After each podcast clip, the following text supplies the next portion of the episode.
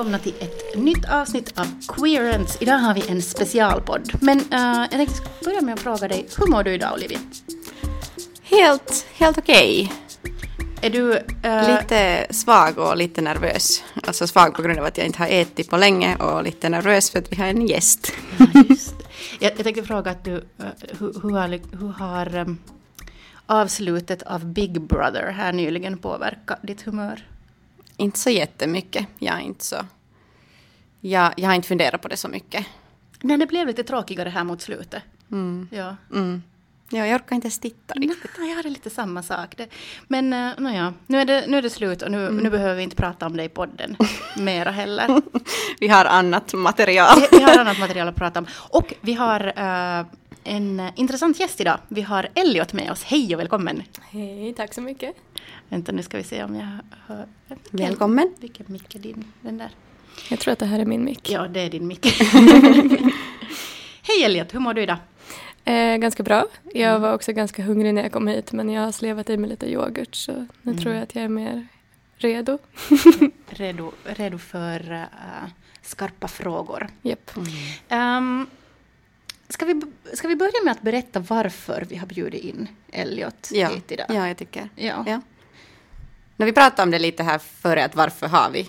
Vi pratade om det att jag har, jag eller du har, vi har aldrig, vi känner ingen personligen som skulle ha vuxit upp i en queer familj eller no, Ja, jag känner, ja, jag vet en del som har med föräldrar som kanske har kommit ut som trans när de redan har liksom lite större barn. Men jag känner ingen personligen och jag har inte egentligen pratat om det med någon, med någon sån mm. person om det här ämnet mm. tidigare. Jag har helt samma. Jag känner uh, ingen som jag vet om. Ja, precis. Som, som skulle ha vuxit upp i en regnbågsfamilj eller liksom haft, haft föräldrar av samma kön eller queer föräldrar. Uh, och det är ju intressant eftersom vi själva har regnbågsfamiljer. Mm. Och eh, då är det ju förstås, eller jag känner så här att det är intressant att ta reda på ähm, hur ser mitt barns verklighet ut? Och då, då kanske inte vet vi ju hur våra barns verklighet ser ut, men eh, vi kan ju fråga dig Elliot hur din verklighet ser ut. Vill du berätta lite om dig själv först? Mm, ja, då tänker jag att jag tar den här infallsvinkeln, berättar om mig själv utifrån hur jag är uppvuxen lite. Eh, eftersom jag är uppvuxen i en regnbågsfamilj, eh, vilket inte var ett ord som jag kanske hörde förrän jag var typ vuxen i alla fall. Eh, men ehm, jag är uppvuxen med två mammor. Ehm, den ena är min biologiska mamma och den andra är min numera adoptivmamma. Hon fick göra en närstående adoption av mig när jag var 12 tror jag. Så jag hade ju bara en officiell förälder när jag växte upp. En förälder som fick vara föräldraledig, en förälder som ja, men liksom fick skriva under papper och allt sånt där. Men varför först när du var 12? Eh, det var inte lagligt innan det. De var tvungna att ingå partnerskap först mm. och det fick de inte göra förrän jag var i den åldern. Um, det, jag kommer inte ihåg exakt vilket år det gick igenom i Sverige men jag tror att de gjorde det ganska snabbt efter att det blev lagligt att ingå partnerskap. Nu får ju liksom homosexuella gifta sig i Sverige men när jag växte upp eller var litet barn så fick de ju inte ens ingå partnerskap. Um, men ja, jag är um, uppvuxen med de här två mammorna som mina liksom, enda föräldrar. Så jag har inte vuxit upp med min pappa. Så det var liksom planerat redan från början att han bara skulle ja, vara en donator. Mm. Men får jag fråga, var det här var det en eh, donator som dina mammor kände till eller eh, helt, helt anonym donator? Eh, de kände till honom. Det gick till så att de prenumererade på en gay-tidning som jag tror hette Gay. Eh, jag har sett det här numret. Min mamma hade sparat det, min ena mamma. vilket är väldigt gulligt, så jag har själv läst den här. Det är en ganska lång artikel, jag tror det är mer än ett helt uppslag. som heter Vi skaffar barn. Eh, och då är det kontaktuppgifter till en dansk privatläkare, alltså utpublicerade i tidningen för att den här tidningen då hade tagit reda på att han hjälpte homosexuella par som ville skaffa barn. Så att han hade kontakt med män som donerade sperma. Eh, så att det gick liksom via den här privatläkaren. Så först åkte mina mammor ner till Eh, Köpenhamn tror jag de mötte honom en gång. Och, sen, och då blev inte min mamma gravid och sen så kom han upp till Stockholm så de betalade resan. Jag har tagit reda på om de har betalat för mig, det har de inte. De betalade resan för honom för att komma upp till Stockholm. Och då var på andra försöket så blev då min biologiska mamma gravid.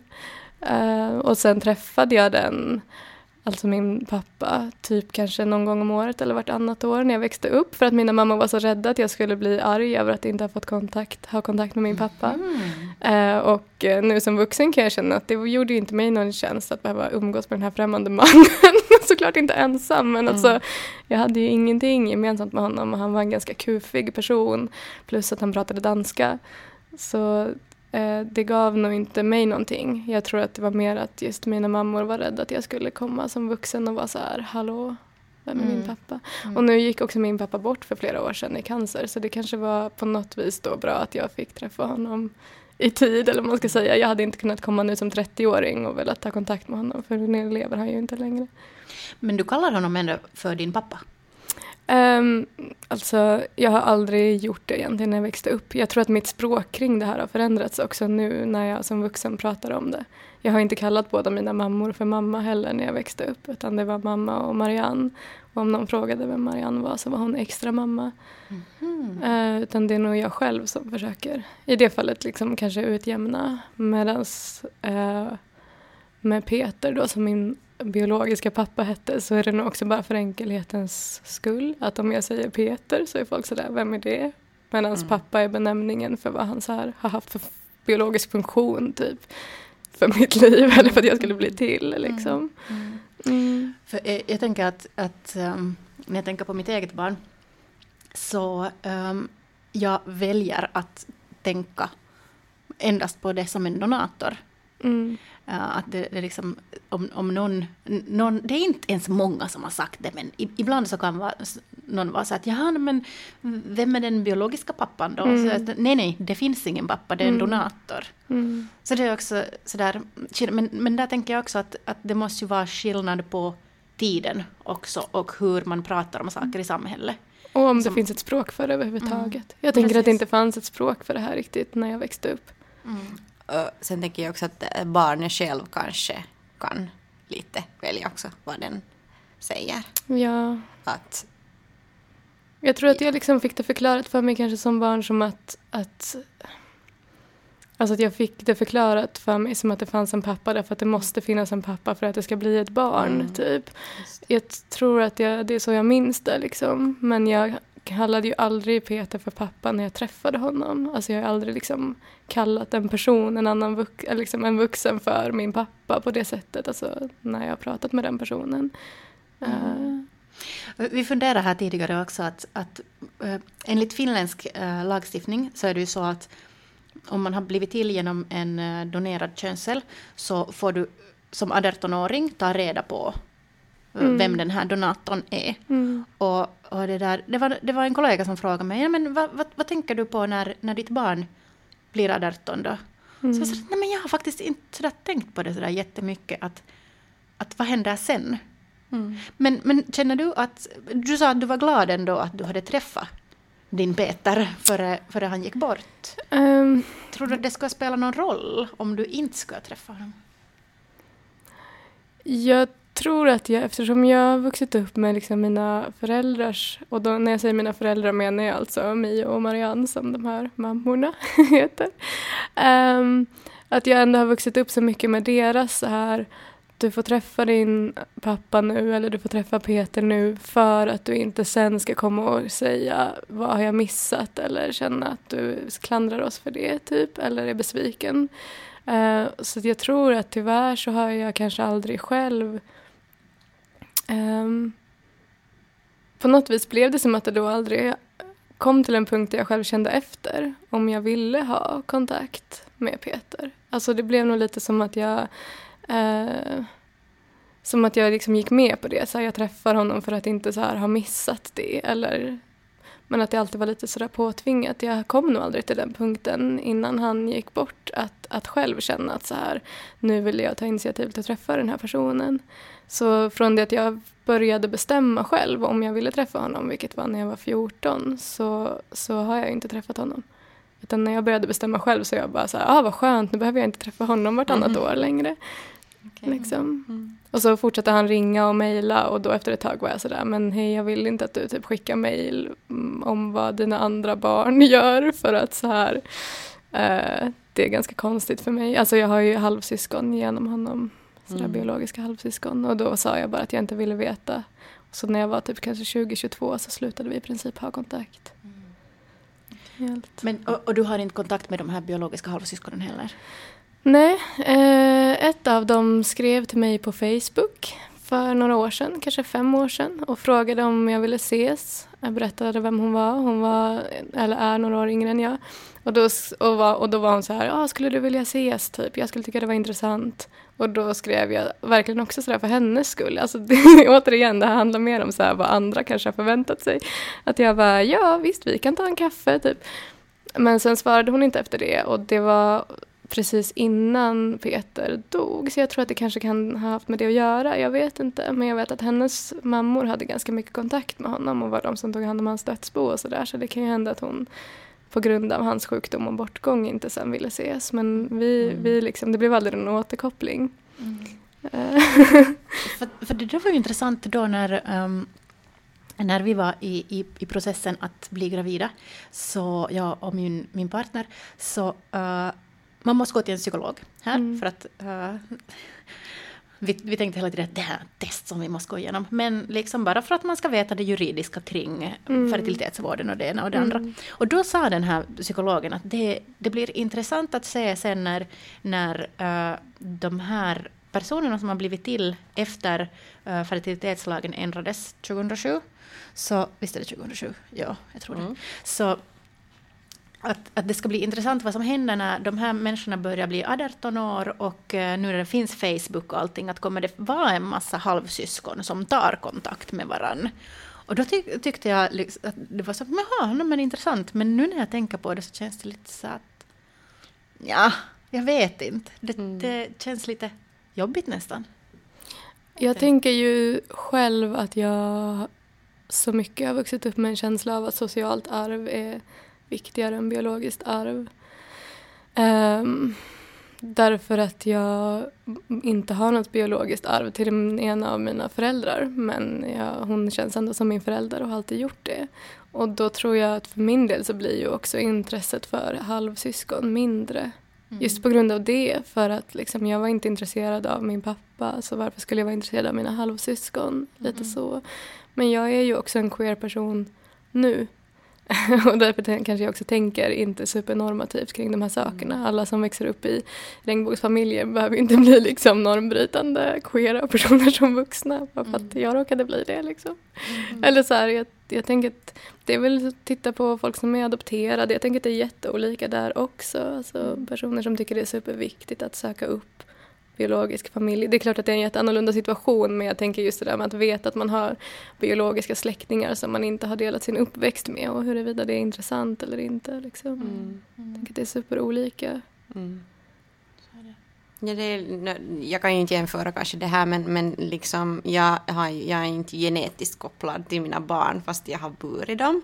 Att det har inte använts mina könsceller så där inte tänker jag på det. Mm. Kanske någon gång kommer det upp men att nu är det liksom inte är de på något sätt mindre uh, mindre mina barn för det. Mm. Utan nu är det det där.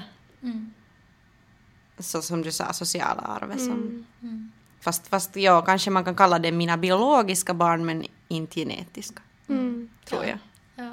Ja. För du har ju ändå burit dem. Mm, ja. Så det är ju, mm. Men det är ju, det är ju intressant det här också hur, mm. hur ja, men hela den konstellationen. Men sen tänker jag också att jag kan ju föreställa mig att eh, Peter säkert också har varit donator till heterosexuella par som kanske inte har kunnat få barn. Så det kan nog hända att jag har halvsyskon som kanske inte ens vet om att deras den person de har vuxit upp med som sin pappa inte är deras biologiska pappa.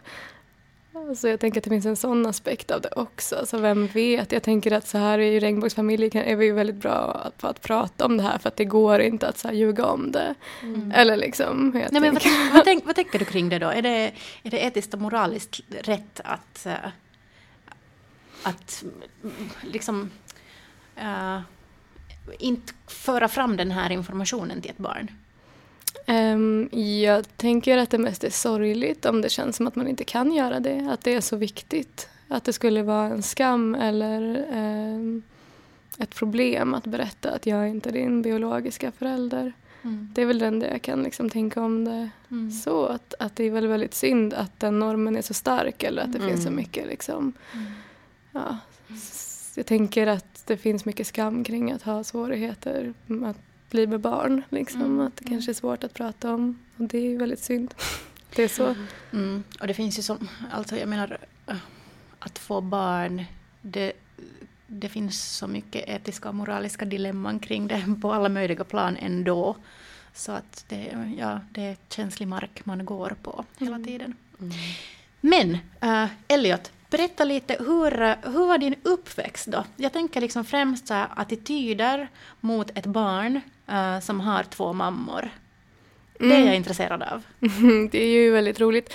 Uh, jag pratade lite om det innan vi började spela in här men att jag har ju aldrig egentligen pratat om min uh, familjekonstellation, alltså den jag är uppvuxen i, förrän jag själv uh, började hänga i liksom queera rum och kretsar som 18-19-åring. Um, då började folk fråga och då började folk uppmärksamma det här och var intresserade av det. Och var så här, wow, är du uppvuxen? Ah, liksom. Men att när jag um, växte upp så um, kan jag inte minnas att någon någonsin frågade om det här.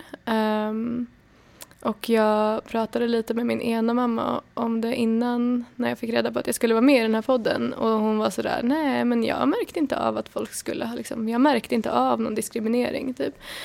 Um, och jag tänker att det också kan handla om att det kanske vi var så pass tidiga, eller att de, mina föräldrar var så pass tidiga med det här, med att, med att liksom vara öppna med det här, att det inte heller riktigt fanns det här har alltså varit 90-tal då? Ja, precis. Mm. Mm. Jag är född 1990 um, ehm, och växte upp först i en förort till Stockholm och sen flyttade vi ut till uh, landet, landet, alltså inte jättelångt från Stockholm men verkligen sådär små, småbyggd landsort, skogen. Um, så jag gick på liksom byskola i princip med 40 elever och sådär. Så, men jag kan inte liksom minnas att någon skulle ha pratat om det här eller låtsats så att vi var någonting annat än normala. Och jag tänker att det är um, intressant nu ska inte det här bli helt ett jättelångt svar. Men jag tänker att det är intressant också för att jag tror att det kanske handlar om att eh, utanför queera rum så är det ju väldigt fult att inte vara normal. Så om folk skulle ha frågat om det så skulle det på något vis ha känts för dem som att de misstänkliggjorde eller sa någonting fel eller så. Så då mm. låtsas man bara som ingenting. Uh, det betyder ju inte att alla tyckte att det var uh, hurra och jättekul och vilken bra familj ni har men det var ingen som sa någonting. Mm. Jo, gjorde, du märkte du liksom att skulle det ha påverkat dig? Jag antar att folk ändå gör kanske antaganden om att man är från en eh, basic eh, cis-hetero-familj. Mm. Så märkte du där någonting? Liksom, eh, märkte du påverka sådana, om sådana antaganden, antaganden gjordes? Så påverkade det dig på något sätt? Jag tänker att jag själv aldrig tyckte att det här var jobbigt att säga som barn. Och det mm. kan jag ju såklart tacka mina föräldrar för. Um, men alltså... Jag har nog aldrig som barn, utan det kom ju senare, typ när jag flyttade till Stockholm och började gymnasiet och försökte så här, vara en cool person i Stockholm, vilket är jättesvårt. Eh, men liksom som barn så hade jag aldrig något problem att vara annorlunda eller sticka ut, utan jag gillade ju också ganska mycket att få uppmärksamhet och var väl liksom på det sättet ett ganska typiskt ensambarn, tänker jag mig också. Um, så jag kan inte minnas att det någonsin skulle varit jobbigt för mig att vara så här, nej jag har ingen pappa, jag har två mammor eller liksom. Mm.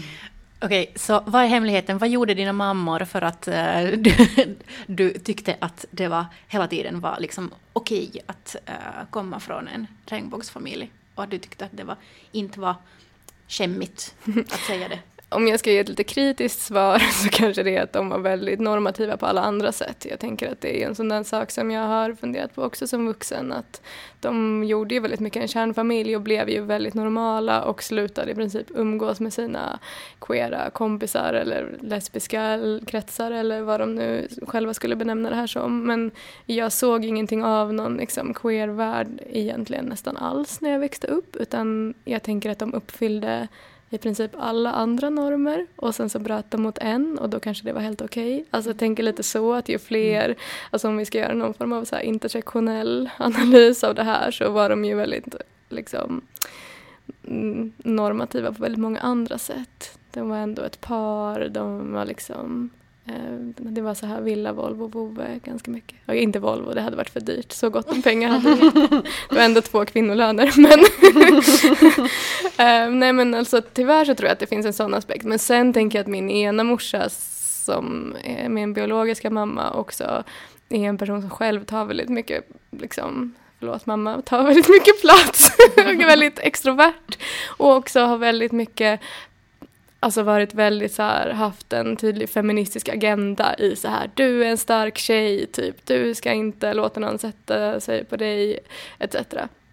Nu är ju inte jag en tjej och vi har ju haft konflikter om det här eh, kring vad som är så här bra feminism etc.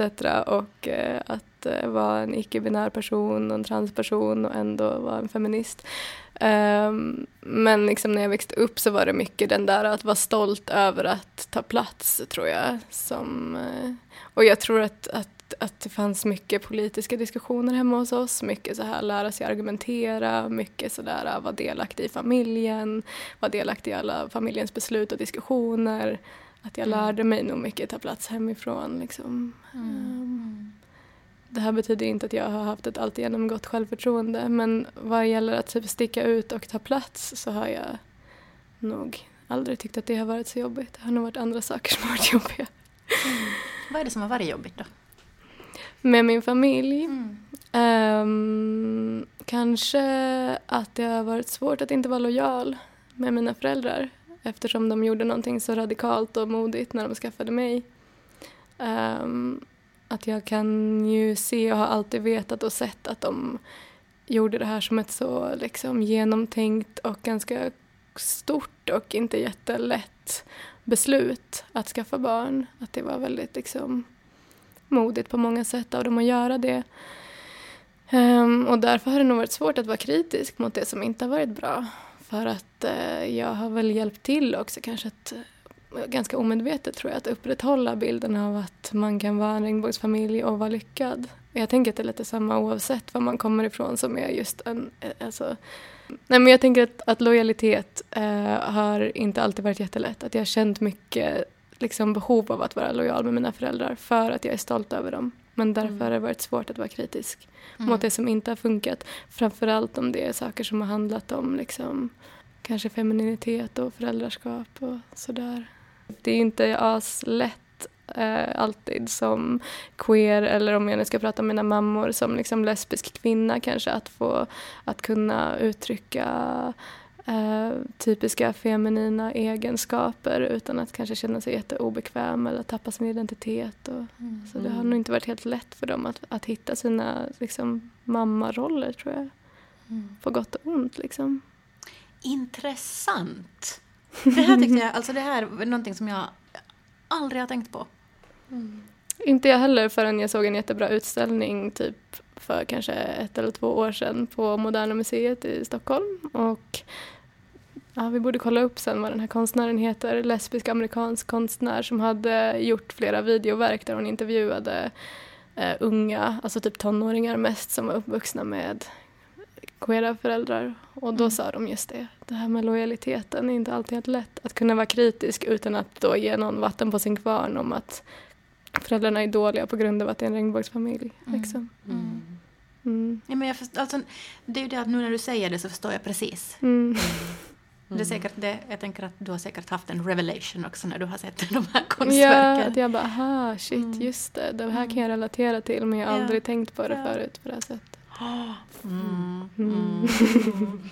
Så det här är någonting som vi kan jobba på nu, att Mm. man, man, man får också visa de dåliga sidorna och prata om det. Mm. Det Mm. dåliga. Ja, Eller är dåliga, men, men liksom det som inte är så bra. Helt Ja, enkelt. jag tänker att det är jätteviktigt. Eh, Mm. och att, att kunna vara liksom kritisk och se att så här, det är väl lika jobbigt för mig att vara förälder som för någon annan. Mm. Eller liksom, Mm. Jag tänker att det är lätt att det blir mycket att bevisa. Liksom. Mm. Men det blir det ju. Det är nog så. Mm. Ja. Jag känner den där pressen också att kanske man måste vara en lite extra bättre förälder för att no, alltså, vi, vi har det här att vi könar inte våra barn, vi använder pronomen hen för dem Mm. och, och det där så liksom känner jag att jag måste prestera i precis alla områden för att vi gör det här. Jag, jag kan inte visa att jag är osäker på det här och att jag liksom, ja, att, ja. Mm. Mm. Mm. Jag vet inte, fick jag fram det som jag skulle säga, men ja, ja. men jag förstår vad du menar. Mm. Och jag gissar att mina föräldrar har haft det så också. Mm. Mm. Eh, Men det är svårt för att jag vill inte heller eh, berätta för mycket om dem. Eller jag kan ju bara berätta om min erfarenhet. Mm. Liksom. Jag tänker att det skulle vara intressant att ha, ha dem här och prata om också det här. Liksom, hur det har varit med deras syskon och deras föräldrar. Alltså mina Vi får bjuda in dem nästa gång. Ja. men ja, så är det ju. Du nämnde här i början, om vi hinner, ja, eh, att, att, eh, att dina föräldrar kände, eller känner andra som också andra eh, kvinnor Mm. som hade, eller andra kvinnopar som hade barn då, men de inte var, de var inte eh, liksom öppet ute. Eller ja, det hur här, var det? Mm, jag, jag hann ju som sagt, jag tror jag sa det innan, prata med min ena mamma om det här programmet, eller den här podden innan och inte med den andra. Men Mio då som jag hann prata med sa att ja, men det som var speciellt med oss var ju att vi var öppna. Jag hade ju kompisar långt tidigare som, alltså i då lesbiska kretsar, som hade barn men inte som gjorde det på det här sättet. Um, att liksom som lesbiskt par uh, hitta en person som kan vara donator och liksom skaffa barn och vara helt öppna med det.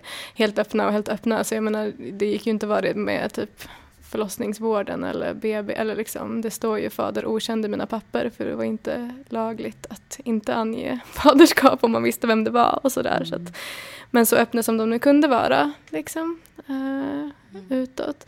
Ehm, och eh, det tänker jag är ju både superradikalt och jag tror att de upplevde det som superradikalt samtidigt som jag också tänker att det är ju en grej med att att också vilja göra en eh, inom citationstecken riktig kärnfamilj. Alltså att vara öppen är ju också ett sätt att vara så här, vi är en familj, vi är eh, ett par som skaffar barn. Att det är ju också ett sätt att bekräfta normer, eh, liksom på något vis. Mm. Mm. Och ofta är det ju så att om man, om man bryter mot någon norm så vill man ju passa in i de andra. Uh, ja men det är ju som du sa här tidigare, Mm. inser jag nu. Um, just det där att, att ja, men vi, vill, vi vill ha den här familjen nu, jag och min fru, för att vi ska ha rätt till den. Jag menar, för att den finns. Så Det- vill vi ha den här formen. Det kände jag ju ett väldigt starkt brott mot när jag var liksom 18-19 och började kalla mig för queer och upptäckte vad queer var och hela den grejen. Att jag tyckte då, nu kan jag ju se att det inte är så, men jag tyckte då att, att jag var lika långt ifrån mina föräldrar som de hade varit ifrån sina föräldrar när det gällde liksom hur jag såg på relationer och sexualitet och kön och allting. Därför att jag var ju queer och jag ville inte vara normal, jag ville inte liksom vara en del av normen, jag ville liksom aktivt eh, stå utanför den, eh, etc. Ehm, Så du, så du kände ändå att du var en del av normen när du kom från den ja, familj som du kommer från? Ja, jag tyckte att de verkligen hade liksom gjort försökt checka av alla saker utom just att vara ett heterosexuellt par. Att allting annat skulle bara vara normalt och fick inte sticka ut. Och rädslan för att eh, ha ett problembarn eller rädslan för att ja, men just vara, visa att det finns sprickor i familjen. Allt det där fanns ju hos oss också. Liksom. Som i alla familjer. Ja, förstås. såklart. Men, Mm. men Men nu tycker jag ju inte att jag är lika långt ifrån mina föräldrar som jag tyckte för tio år sedan. Men då var det viktigt för mig att visa att så här, queer är någonting annat än en lesbisk kärnfamilj. Mm. Och det är det ju. Mm. Ja. ja, det är det. Eller en lesbisk kärnfamilj kan väl också vara queer. Men, men ni förstår vad jag menar. Ja. Jag tänker Mm, att det också absolut. fin- fanns avgörande skillnader där som var viktiga för mig då såklart i mitt identitetsskapande. Att, Mm. Som ung vuxen att verkligen ta avstånd också. Är ni en queer familj eller är ni en, ett kvinnopar? Hur, hur liksom, Ja, vad säger du? Jag brukar använda båda för att jag brukar, eh, jag brukar ju definiera mig som queer för att jag tycker inte om, jag tycker inte om ordet bisexualitet eh, och jag vill inte kalla mig homosexuell, jag tycker inte riktigt att det heller passar in så jag kallar mig queer. Eh, fast min fru eh, säger att hon är lesbisk. Mm. Så jag menar, vi kan vara vi är ett kvinnopar, jag menar vi är båda kvinnor. eh, så vi kan vara ett kvinnopar eller så kan vi vara en queer familj. Det, jag, jag vet inte. Jag, jag känner att båda definitionerna passar på vår familj. Mm. Mm. Vad, vad tänker du då? Är ni en... Mm, vi är en queer familj, vi är båda queera också. En fråga har jag ännu. Mm. Du sa att du hade, eh, du hade, det var viktigt för dig att ta reda på om de har betalt för att du ska komma till. Varför var det viktigt för dig? Eh, jag tror att jag, jag sa det i lite skämtsam ton och jag frågade nog också min mamma ganska skämtsamt om det här. Jag Ja. tyckte nog mer att det var kul för att jag kom på det. Jag bara, men gud, tänk om det var pengar med i den här processen, spännande. Alltså mer så tror jag och för Mm. att det inte var jobbigt för mig att ta upp det här med min mamma. Det var liksom inte, jag, jag tyckte nog inte att det var laddat. Det var nog Okej. mer att jag så här helt plötsligt insåg att så här, jag vet ju inte hur det här vad var de så här materiella förutsättningarna och vad var de här, så här Mm. transaktionerna i det här förutom Mm. ja, Ja, det kan ju finnas all, alla möjliga transaktioner för att barn ska bli till. Jag vet till Mm. exempel att um, före jag föddes, jag har två äldre bröder som är ganska mycket äldre än mig. Och eh, min mamma ville ha ett tredje barn, min pappa ville inte. Mm. Men eh, min mamma hade lovat att han får köpa en Mercedes om hon får ett till barn. Ah. Så det här tycker jag, det är ju också Du är en Mercedesen. transaktion. Ja, jag, är värd en Mercedes. medan, medan mitt barn kan fråga då att ja, nå, hur mycket pengar la ni ut på att för mig så kan vi säga någon 10 000 euro. så det, ja, men intressant Mm. och eh, på ett skämtsamt sätt. Eller nog förstås intressant också helt allvarligt att eh, det kostar olika ja, för in- olika människor Ja. att få skaffa familj.